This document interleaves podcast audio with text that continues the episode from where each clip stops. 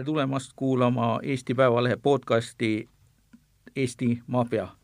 ühel pool mikrofoni on äh, Paavo Kangur ja teisel pool mikrofoni on kuulus turvafirma juht, idufirma juht, mees minevikust, mees äh, legend Meelis Lao. tere, härra Meelis Lao ja head uut aastat! tere, Paavo, head uut aastat sullegi! no kergelt filosoofiline küsimus aastast üheksakümmend viis, et aastal üheksakümmend viis jooksis selle maja trepikojas ringi Ants Luik ja rääkis uudist sellest, et äh, Meelis Lao on kroonitud äh, Eesti maffia liidriks ja seal tekkis kohe kaks küsimust, eks ju, kui nüüd seda uudist nat-, natuke filosoofiliselt võtta. kas maffia liider või olid sa mingi idufirma juht, mis hakkas tegelema turvaprobleemide lahendamisega? see kõlas hästi, idufirma juht, sel ajal nähtavasti keegi ei saanud arugi, mis see, ütleme siis startup või idufirma, mida see nagu tähendab. aga noh, kui sa sinna üheksakümne viiendasse läksid, siis tegelikult meil me nagu kaldume sellest teemast natuke kõrvale, vaata, vaata, vaata, vaata, mis juhtus. juhtus ju selline asi, et äh, kukkus kokku selline suur kurjuse impeerium, noh, mis oma pindalalt oli kakskümmend viis protsenti kogu maailmast kogu maailmast, siis äh, koos oma satelliitidega oli tunduvalt rohkem ja see oli siis, noh, oli ju vaata kaks poolust, oli hea vaba maailm, noh, Ameerika, Euroopa, Lääne-Euroopa ma mõtlen, ja oli see kurjuse maailm ja see kurjuse maailm kukkus kokku.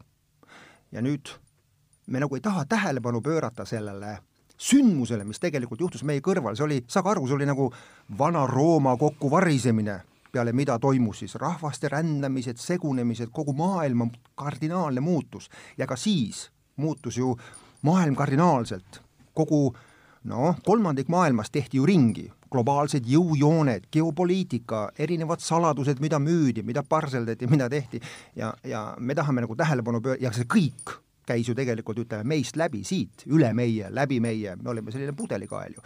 aga meie tahame rääkida, no mis seal üheksakümnendatel juhtus siis, et mis stressides poisid jooksid ja kurikatega seal peksid kedagi, see on naeruväärne, see on nagu tolmukübe selle kõrval, mis juhtus ja mis käis kõik läbi Eesti ju. vaata, see on ju selline lihtne näide, et äh, praegu me oleme Euroopa Liidus kõige idapoolne osa, kolgas, noh, selline venelaste kõrval, kusagil maailmas seletad, kus Eesti on, siis ikkagi pead kuidagi seletama, et sa oled Venemaa kõrval, Soome kõrval, Rootsi kõrval, siis saadakse aru, on ju. aga sel ajal me olime kõige läänepoolsem osa sellest kõige läänepoolsem osa ja kui see kogu see impeerium kokku varises, noh siis kõik ju jooksid kuhu? raha järgi, kus oli raha? Läänes. kus oli lääs? läbi Eesti pudelikaela loomulikult. see kõik no. juhtus ju siin meie ümber. ma mäletan ka mingit olukorda Viru tänavalt, et järsku täitsid neli, neli kappi kogu tänava.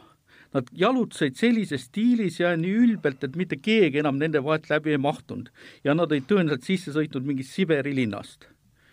ja Just. nüüd, ja nüüd ma loeks ette ühe lõigukese raamatust Eesti maffia, kaheksas mai tuhat üheksasada üheksakümmend kolm, kell kakskümmend kaks, kaks, kakskümmend hüppas Bordeaux punasest väikebussist Dodge ramb välja salk noori mehi avades tule neljast relvast. väidevalt oli tegemist Mõhu malevkonna kaitseliitlastega, et mitte öelda linnuvabriku grupeeringuga.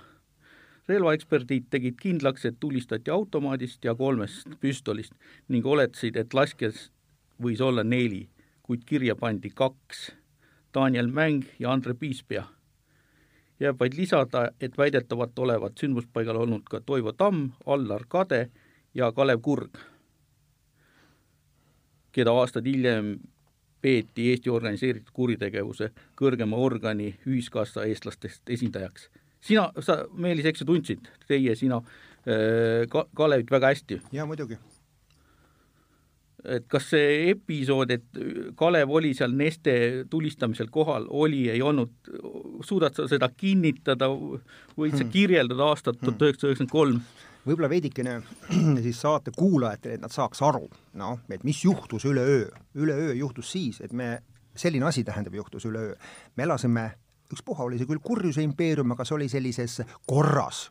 kui kellelgi teati, et on kodus jahipüss, siis ta läks, ma ei tea, kümneteks aastateks Siberisse istuma, et tal üldse midagi niisugust võis olla ja kõik oli tota-, totalitaarriigi järelevalve all, pidime käituma kuidagi hästi sellist, noh, ühesõnaga täiesti niisugune ornung Saksa moodi oli ja korraga üleöö see lagunes kõik ära. ja mis juhtus, tõusis selline vägivalla, vägivalla ja selliste mm, tulistamiste ja pommiplahvatuste, noh, lihtsamalt nimetada vägivallaudu ümber meie. me elasime sellises korralikus maailmas, isegi tead, sülitasid tänaval valesse kohta, siis tuli miilits ja viis su jaoskonda, on ju. ja korraga lagunes see kõik kokku ja inimesed läksid täitsa hulluks, noh, ja siis selliseid tulistamisi ja selliseid pommiplahvatusi, need on suht igapäevased, Eesti oli ju maailma tipus, minu meelest täitsa esimesel kohal päris mitmeid aastaid tapmiste poolest, noh, elaniku kohta siis. et sellised asjad, mis siin juhtusid, et see oli täiesti igapäevane ju. metall voolas siit läbi, metall tähendas raha, raha tähendas tüli tülisid ei lahendada. vaata, tegelikult oli see asi tunduvalt komplitseeritum, veel kord ütleme, selline kolmandik maailmast kukkus kokku, need inimesed ärkasid üles, kes olid elanud kogu aeg raudse eesriide taga, me ei teadnud üldse, mis läänes toimub. kes, mis ettevõtted, kuidas tehakse, mida tehakse, tänapäeval on väga lihtne, lähed internetti ja kõik on sul teada, kõigil on üle maailma sõbrad. aga saage aru, et siis me ei teadnud mitte kedagi, kus, mis, mingi välismaa onu, iga Soome jorss oli siin välismaalane ja suur investor, keda me vastu võtsime aplodeerides, et mingisugunegi välismaalane tuleb siia. ja nüüd need kõik suur Venemaa, mis oli tegelikult see mighty, võimas, suur oma rakettide, tuumarelvadega ja korraga olid kõik müügiks saa aru, et see ei olnud ainult mingisugused metallikoormad, mis siit läbi läksid, kõik oli müügiks. esimene asi, mida nagu üritati maha parseldada, oli see, mis on olemas. olemas oli metall, metallitooted, nafta, naftasaadused, relvad, mida müüdi massiliselt, ka Estonia oli suhteliselt tihti neid ütleme, koormaid täis ju, noh, ma ei pea seal silmas Kalašnikovi automaate, neid viidi teistmoodi, konteineritega, transpordilaevadega, aga Estonia oli täis samamoodi igasuguseid raketiteadmisi, erinevaid saladusi, mida müüdi ja see kõik kanaliseerus läbi Eesti. tavainimene ei saa aru, mis siin toimus, tavainimene nägi mingisugune jah, ilus auto, mingid kapid astusid välja, keegi ei julgenud nendele midagi vastu öelda, kuna isegi politsei ei julgenud seda teha, polnud ju politseid või kes oli, oli vanadest miilitsatest koosnev, kes oli korrumpeerunud.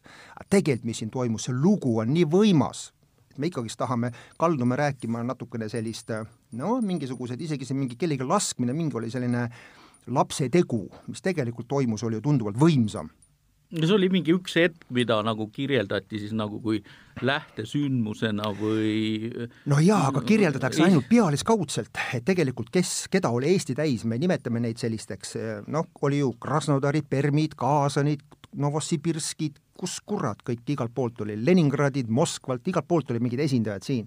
aga me peame aru saama, et need, kes esindajad olid siin, need esimene niisugune desantlaste laine, kes olid tegelikult väga vägivaldsed ja kaks korda küsima ei hakanud, vajutasid kohe päästiku peale ju, on ju siis nendega koos tuli ka teine seltskond, noh, need olid sellised sõdurid, kes tänaval käisid, nendega koos olid tänapäeval lugupeetud oligarhid, kes on suurärimehed nii Venemaal kui ka, kes on juba läände pagenud, need kõik tulid ju läbi selle siit. samamoodi olid neil omal suhted äh, valitsusorganitega, otsesuhted, kanalid. ja ma ei pea silmas mingeid teisejärgulisi ametlikke, vaid ma pean silmas ikkagist ministreid ja kes riiki sel ajal Venemaad suurt juhtisid.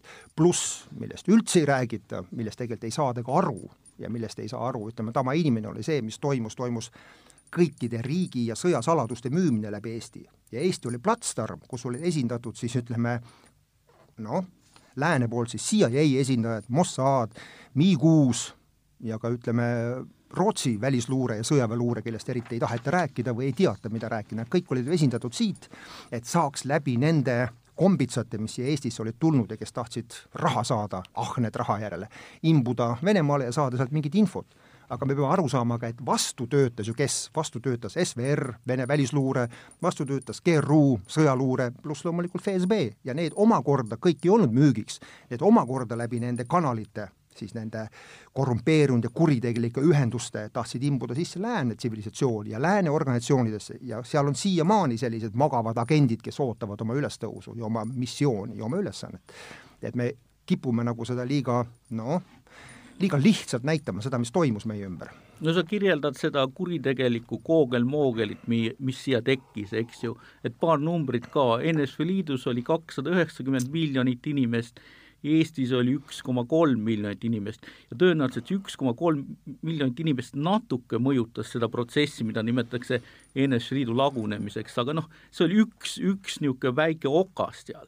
no ma ei räägi sellest, miks, miks ta lagunes, ma tähendab, kohe jõuan sinnani, aga ma tahan öelda seda, et äh, Eestis käis tegelikult ju noh, sellise raha saamine ja läände pagemise koridor oli, ta oli nagu pudelikael esialgu ju ja peame aru saama sellest, et Eesti tegelikult, me võiks olla natukene uhkemad, meie oleme selline, kes tahtsime kohe ju Euroopa Liitu, NATO-sse, eurot saada ja nii edasi, meie olime selline esimene bastion, kes võttis vastu selle tohutu kuritegevusliku laine ju.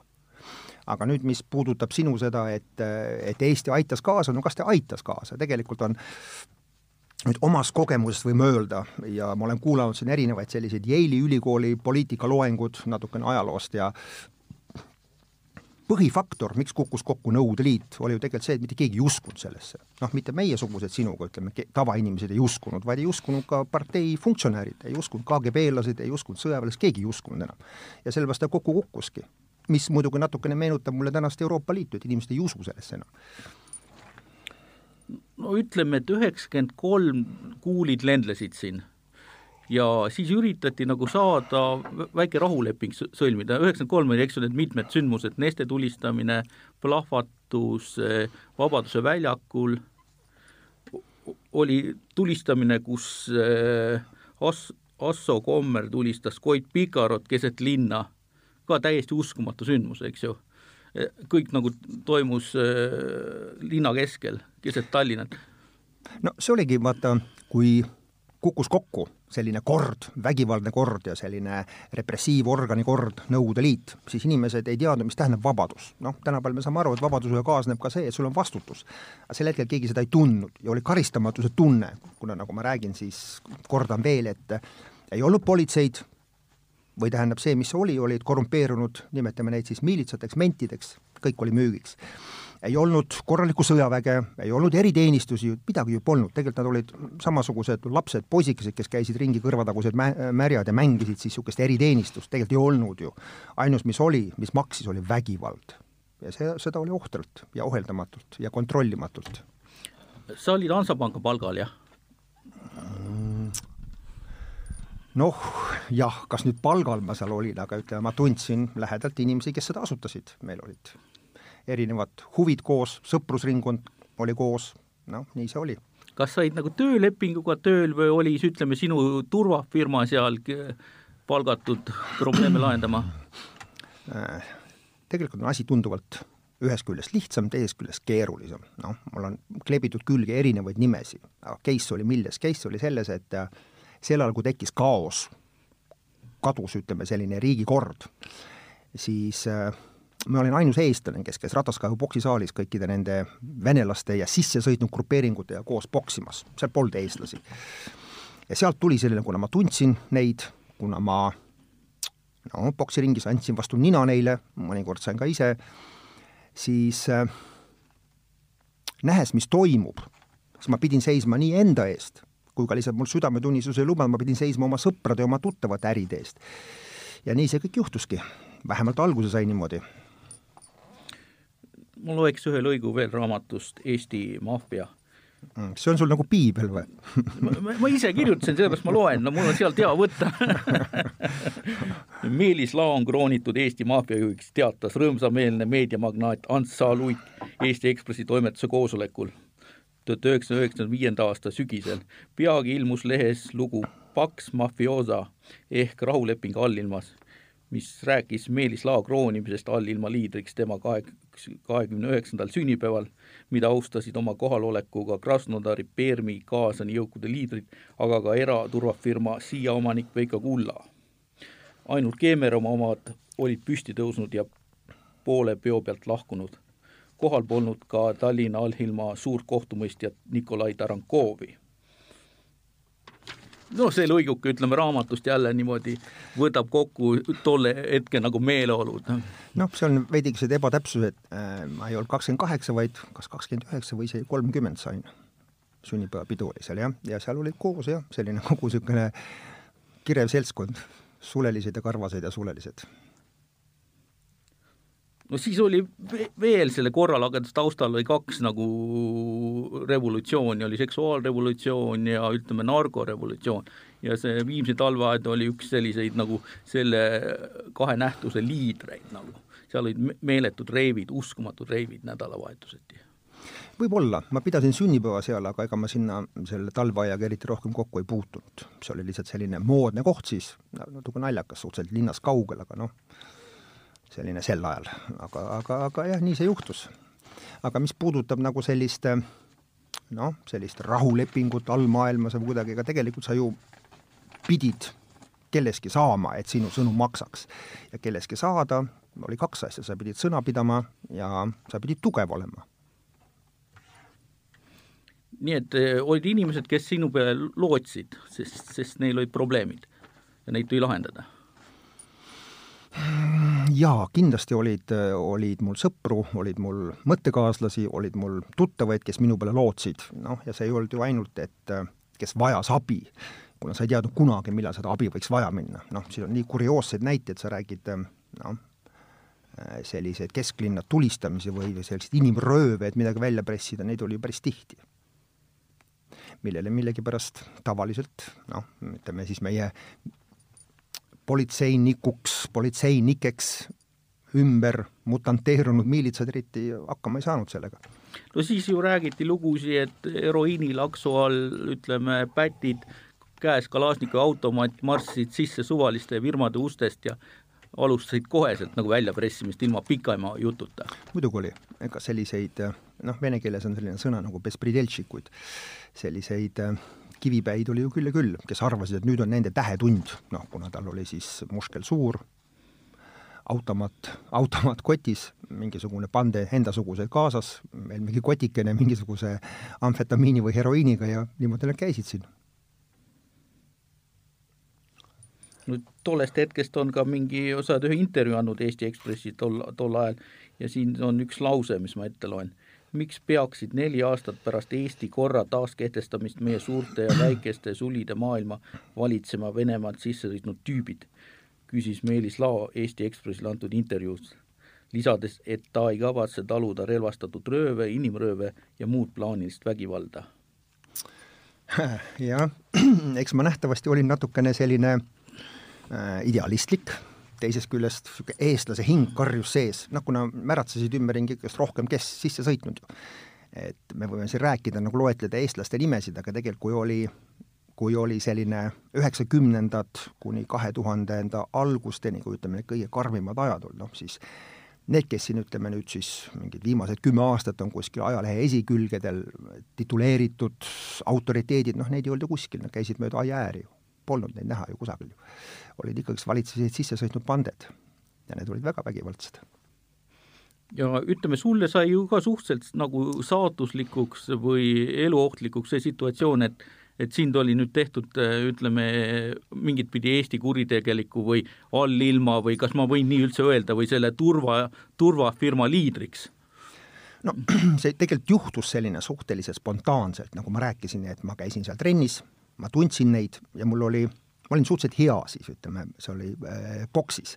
ja mul oli valida, kas siis minna profiboksi ennast tõestama edasi või hakata tegelema oma äridega. noh, otsustasin viimase kasuks, äride kasuks, aga oma äridega tegelemine tähendas ka see, et sa pidid nende eest seisma ja oma lähedaste eest seisma ja seda aina rohkem tuli, aina kuhjus ja kuhjus, aita seda, aita seda, aita seda, aita seda ja sealt see kõik tuligi, selline, selline imidž, et vot nüüd tema on sellise kuritegeliku maailma autoriteet, noh, tegelikult natukene vastupidi oli see, kui on, võiks öelda, et niisugune film oli kunagi hästi hea, oli killer ja antikiller, et kui oli siis kurjategija, siis mina olin antikurjategija, et üritasin kuidagi nende eest seista, loomulikult maailm oli ju teine, et sa pidid kasutama jõudu, noh, et see käia kellegi pead silitada ja öelda, palun ära enam nii tee, ega see ei aidanud. et selles suhtes me ei saa mõista seda, mis juhtus siis ja panna tänapäeva konteksti ja nüüd siis vibutada näppu, et oi, sa olid ikkagist paha. no ei olnud paha. see on sama nagu vanas Roomas amfiteatris, noh, üks gladiaator sutskas teisele mõõgaga makku ja me hakkame nüüd siis seletama, et miks sa ikka niimoodi tegid. no see maailm oli selline, maailm oli täiesti hullunud ja see võib juhtuda nii lihtsalt, nagu me näeme, kuidas see Nõukogude Liit kokku varises ma loeks veel ühe lõigu ette siis raamatust Eesti maffia, mis on läbi müüdud, see ei ole raamatu Eesti maffia reklaamsaade, see raamat on läbi müüdud. ainult Paavo, kes saab veel. Ei, mul ka enam ei ole. Teine trükk. Kolm, kolmeteistkümnendal detsembril tuhat üheksasada üheksakümmend viis tulistati värsket Boschi Kalasnikovi automaadist Tallinnas Flexeri spordiklubi juures rindu nüüd polnud enam kellelgi kahtlust, et tegemist ei ole meediaproduktiga, vaid olulise persooniga allilmas. see ei jäänud viimaseks kallale kippumiseks Meelis Lao elule. suhteliselt ebamugav, eks ju, kui sind automaadiga lastakse tänaval. jaa, valus ka muuseas valus ka muuseas, jah, ega see meeldiv ei ole, et et noh, vaata sel ajal, kui sa kellelegi ette jäid sellisele, ega, ega suurem osa neid, kas siis, kas siis ähm, heroiini mõju all või millegi muu all, noh, see sõrm päästikule läks väga lihtsalt. ja mul oli neid, noh, ütleme selliseid juhtumeid oli seitse, palju on planeeritud, seda ma ei tea noh, eks see tuli, kui sa ei lase inimestel vabalt toimetada ja lähed nendele vahele, nende ja nende ohvri või nende ja nende raha vahele, siis loomulikult oled sina esimene sihtmärk. aga väga ebameeldiv, ei soovita kellelegi pihta saada. nii et nii, kui sa läksid seda probleemi lahendama, ütleme, ohvri ja kurjategija vahepeal, nii olid sa ise nagu sattusid märklavaks, jah? loomulikult mõtle, ütleme sellisest, need inimesed, kes sellega tegelesid, on loomad, loomalik instinkt ja nüüd, kui sa lähed näiteks hunt jahib oma mingisugust saaki, näeb enda eest jänest ja korraga keegi tuleb vahele. hunt ründab sind ju kohe, koheselt. ja samamoodi nemad, nad haissid saaki, haissid verd ja see ajas nad hulluks ja nüüd, kui keegi tuli sinna vahele, noh, siis tema oli esimene sihtmärk. mida veel kord ma tahan rõhutada, et ma tegin seda ju teadlikult, et ma ei noh, ma ei halise, ei lalise, ei nuta, et issand jumal, sain pihta, jube valus oli, see oli teadlik tegevus ja see oli tagajärg neljandal märtsil tuhat üheksasada üheksakümmend seitse korraldati järjekordne rünnak Meelis Laole. ta sai spordiklubi Flexer ees toimunud pommiplahvatuses raskeid vigastusi. see spordiklubi oli huvitav koht, võiks öelda, et lausa ühiskassale alternatiivne asutus. et Flex, Flexer oli niisugune kuum, kuum koht, eks ju, see on ta oli legendaarne, legendaarne koht, legendaarne spordiklubi, seal olid legendaarsed treenerid, legendaarsed inimesed, tänapäeval väga erinevad ütleme, erinevaid inimesi erinevalt äh, eluvaldkondades, pankureid, sõjaväelasi, sportlasi, erinevalt elualadelt käisid seal, seal koos kõik. ja kuna seal käisid suuremalt jaolt koos eestlased, noh, siis mina ja minu tuttavad ja siis seal juhtus igasugu kurioosseid seiku, kus siis inimesed tulid kurtma oma teatud eluprobleemide üle, jah, niisugune huvitav koht oli. aga see pomm oli sulle või kellelegi teisele või, või no kõigile no ikka mulle, ikka mulle, jah kas me sellest Tallinna keskturust ka räägime või? sa olid seal nagu, üritasid midagi Mait Metsamaaga ajada või Mait Metsamaa üritas läbi sinu ajada või? Et sellega tegelikult oli lihtne case, lihtne case oli selles suhtes, et äh, noh, Maidu, ma sain Maiduga väga hästi läbi, aga mul ei olnud Maiduga sellel teemal noh, ütleme selles projektis midagi nagu pistmist, Mait oli aselinnapea, siis ta äh, lasti sealt lahti, Politšukiga ta suhtles äh,, seda taheti parseldada Politšukile, mina koos paari sõbraga mõtlesin, et meil on tunduvalt parim äriidee, et miks see peab minema neile, ostame selle ise ära, teeme ise sinna sellise koha. noh, kuna inimesed olid harjunud käima seal, selline sisse toidetud koht, kus inimesed käivad oma oma ütleme, saadusi müümas, inimesed käivad ostmas, see oli niisugune sel ajal selline hästi, hästi suure käibega ja kasumiga selline objekt. ja kuna tegelikult kardeti seda kohta, siis ma mõtlen nagu oksjoni suhtes, et teised sinna keegi minna ei julgenud, noh, et seal on niisugused pahad venelased ja mafioosod ja noh, mul oli sellest suhteliselt ükspuha. ja läksime sinna osalema ja lõpuks siis ikkagist loobusime sellest erinevatel põhjustel. aga see loobumine tuli siis eh, ennem seda sündmust, mille kohta ma nüüd, see juhtus, võtame siit lõigu raamatust Eesti maffia nüüd kaksteist oktoober tuhat üheksasada üheksakümmend üheksa, hommikul tappis kurjategija Tallinna kesklinna viiekorruselise elumaja trepikojas püstolilaskudega Mait Metsamaa. mõrvar tulistas Metsamaa suunas viis lasku, millest kaks tungisid pähe ja kaks kehapiirkonda. kuulidest ülakehasse ja kaela tabatud Metsamaa suri pärast mõneminutilist oigamist. politsei leidis sündmuskohalt viis padrunikesta, mõrtsukal õnnestus põgeneda. See oli see oli peale erastamist. kui Politšuk sai selle kätte, siis tal ei olnud vaja partnerit enam, kes oleks ka tahtnud oma osa saada. ja nii kahjuks Mait oma otsa leidis. Mait Metsamaa tõi selle asja äh, turudirektorile kandikul kätte ja siis tekkis see probleem, et jah, tõesti, Metsamaad ei olnud enam vaja. teda ei olnud vaja lihtsalt enam, jah. pigem segas? no pigem segas, pigem segas, esiteks tal olid need äh, kohtukeisid kaelas siis äh, selle autoõnnetusega, kus üks inimene surma sai ja ta ei olnud enam, ütleme, sellises äh, poliitilises establishment'is kaasarääkiv, ta ei olnud vajalik enam. ja kuidagi, kuna kokkulepped olid, siis teda muud moodi lihtsalt nähtavasti Politšuk otsustas, et muud moodi ta teda siis diskvalifitseerida ei saa kui niimoodi. ütleme, kui minna ta-, sinna Venemaa avarustesse, siis äh, kaklused turu, turgude pärast on täiesti tava, tavapärane, et see on pigem nagu imelik, kui ei tekiks nende pärast nagu mingeid kaklusi. muidugi, muidugi, kui me mõistame, mõtleme seda noh, vene inimestel või ütleme, sellistel noh, ka kaukaaslastel ja on harjumus kõiki asju osta turult, siis noh, kõige kurioossem näide on siis Moskva, mis selle Moskva turu nimi oli, mis nüüd kinni pandi lõpuks oli see oli, okei okay,, mitte päris keskuses, aga suhteliselt ikkagi kesklinnas oli see tohutu turg, kus oli maa alla kaevatud korrused, kus siis Hiinast oli toodud sadu tuhandeid hiinlasi, kes töötasid ja vorpisid seal igasuguseid asju, mida müüdi. see oli nagu linn linnas ja selle käive, noh, oli selline tegelane, oli seal siis üks kes ka siis Venemaalt jooksu pani ja selle raha eest, mis ta turgudelt sai, ehitas terve, ma ei tea, mitu miljardit maksva kuurordi Türki. Et selle käive oli nii tohutu, kasum oli nii tohutu ja selles käibes said ju kõik osa, said kõik osa, said miilitsad osa, said FSB-šnikud osa, said poliitikud osa, kui sul iga kuu tuleb siis mingisuguseid mitmekümneid miljoneid, kui mitte sadu, jääb puhtalt sulle raha järgi, noh siis ta jagus kellegi jagada seal. ja nii palju, kui mina tean, et seda turgu kinni panna, noh, see nõudis siis otseselt äh, Putini sekkumist. ja sealt vallandati mitmed FSB juhid ja kes siis, kes siis seal ütleme ka oma nokka kassid sellest kasumist. no need summad on selles teises riigis olid nagu meeletud. muidugi meeletud et mm, ma saan aru, et te kunagi seal kuskil Männiku karjääri juures olite, jalutasite Kalev Kurega koos ja puutusite veel kokku oma eluteel, aga mingil hetkel läksid nagu, äh, läksid teed, teed lahku. Et äh, teda ju, teda nimetati kokaiiniparuniks, sina proovisid hoopis teiste, teiste äridega õnne, naftaga, muude asjadega.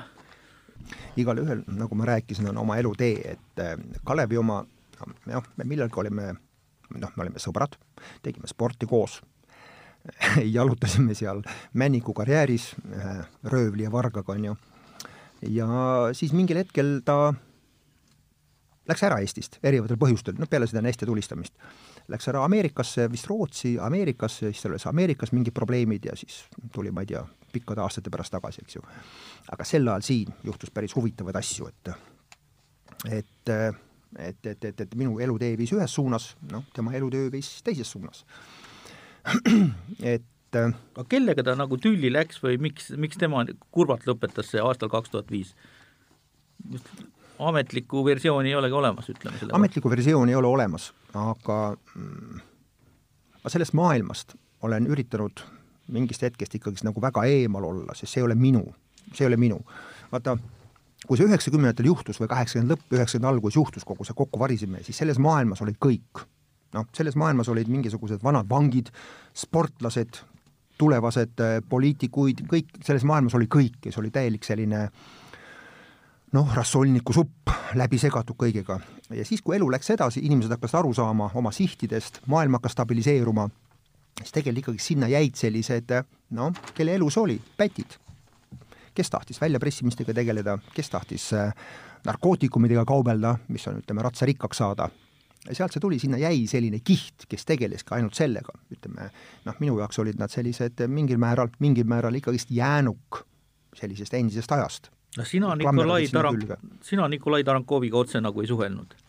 muidugi suhtlesin, kuna mm, kui ma räägin oma siis nooruspõlve ajas seal Rataskaua poksisaalis, siis me olime koos seal temaga, et noh, me saime väga hästi läbi temaga. see suhtlemine oli hoopis nagu teine, et noh, seal ei olnud ju alluva ülemuse suhteid, seal ei olnud, kes on mingi boss või keegi, me olime sõbrad vanast ajast, me olime, selline võrdne suhtlemine oli meil. no olite nagu ütleme, poksiringis ka koos, tegite spaaringut? ja muidugi, ta oli minust vanem, aga jah, loomulikult poksisime koos. oli, oli osav? oli, oli, oli et ta oli üldse selline fenomen, et ma ei usu, et sellist tuleb ja see oli, ta oli oma ajastu produkt. ta oli selles suhtes, et ta oli sportlik, ta oli õiglane, ta aus, noh, ta ütleme, üritas siis, kas üritas või ta oligi selline, et ta andis edasi selliseid vana aja äh, Vene või Nõukogude kuritegeliku maailma selliseid noh, omadusi. Noh, et sa pidid alati oma sõna eest seisma, sa ei saanud valetada, sa pidid olema otsustes õiglane, kui sa tahtsid olla selline vahekohtunik, sa ei saanud hakata kellegi kellegi vaidluses nagu tekki tõmbama enda peale, et saada sealt mingisugust kasu, et selles suhtes noh, nii palju, kui ta oli, nii palju, kui tal võimalust oli, oli ta sellel ajal ikkagi sellele seltskonnale siin, oli hea valik.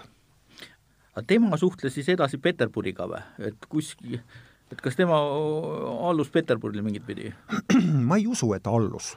Ma ei usu, et allus, loomulikult ütleme, tema oli samasugune autoriteet siin, nagu keegi oli Peterburis või Riias või siis Moskvas, no ütleme, Peterburis ja Moskvas oli neid nagu mitmeid, et ei olnud niisugust ainuliidrit, eks ju aga, aga ta suhtles otse ja ta ei allunud kellelegi, noh kuigi mul jäi väiksemad, Eesti on ikkagi väike, aga ta suhtles otse. noh, tema oli ka mingisuguse ühenduse liider ju, on ju. tänan, Meelis, et äh, sa nii avameelselt rääkisid äh, meie keerulisest minevikust ja ütleme, taasiseseisvuse protsessi niisugustest kuritegelikest aspektidest õieti sellest, sellest äh, turvalisuse kriisist, mis valitses üheksakümnendate aastate alguses ja mis tuli ületada. aitäh sulle, Paavo, kutsumast!